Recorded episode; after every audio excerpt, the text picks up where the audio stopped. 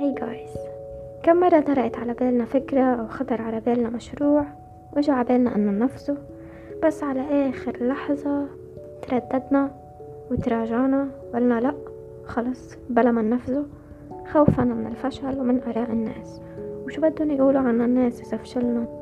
إنه أنا إنسان فاشل. هذا الشي ما بيعني إنه فشلي هو حقيقة ولكن هذا رأي والآراء ليست حقيقة. يعني إذا أجا حدا عطى رأيه فيي فأنا ما مفروض إني صدق هذا الشي ممكن يكون رأيه فيي صح ولكن بأغلب الأحيان ممكن يكون إنه غلط. ومن أكبر الأغلاط اللي بنرتكبها بحق حالنا هي إنه أي كلمة سلبية بنسمعها بنصدقها وبنصير بنصدق إنه نحنا عن جد هيك. وأغلب الأحيان هي غلط. فأنا اليوم رح أعطيكم شوية نصائح بموضوع عدم الاكتراث لآراء الناس.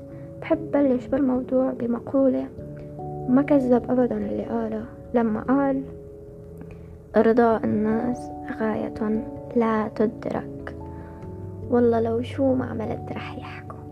فأنا برأيي اليوم هذا المشروع اللي ببالك واللي إلك سنين وشهور وأيام عم تأجله لأنك خايف من الفشل. وعم تأجل وتأجل وتأجل وتفوت بدوامة التسويف. أنا برأيي قوم هلأ نفسه ما تنطر لبكرة. لأنك مش ضامن بكرة. قوم وبلش هلأ وما تفكر بشو بده يقول عني فلان وشو بدها تقول عني فلانة. لأنه at the end of the day رح يحكوا. لو عملت هيدا الشي اللي براسك ولو لو ما عملته رح يدوروا على أي شي يحكوا. بالنهاية ما تنسى. حكي ببلاش. يعني أبسط شي ممكن لكم إياه اليوم أي شي عبالك تعمله ما بيتعارض مع الدين والأخلاق والمبادئ والقيم. عمله. إذا هيدا الشي ما بيعصي ربنا أو ما بخالف مبادئك وأخلاقك فقوم اعمله. طالما الله راضي وأنت راضي فخلص ابحث أولا عن رضاء الله. خير هيك؟ لا. ما تعطي ولا ربع ثانية من وقتك بأنك ترضي حدا غير الله. وإذا أهلك وقفوا بوجهك فما عليك إلا أنه تقنعهم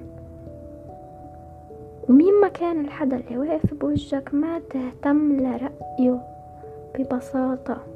الموضوع جدا أبسط من هيك وبحاجة لتدريب. بدك تبلش تظهر من دائرة الراحة وتفوت على دائرة الخطر.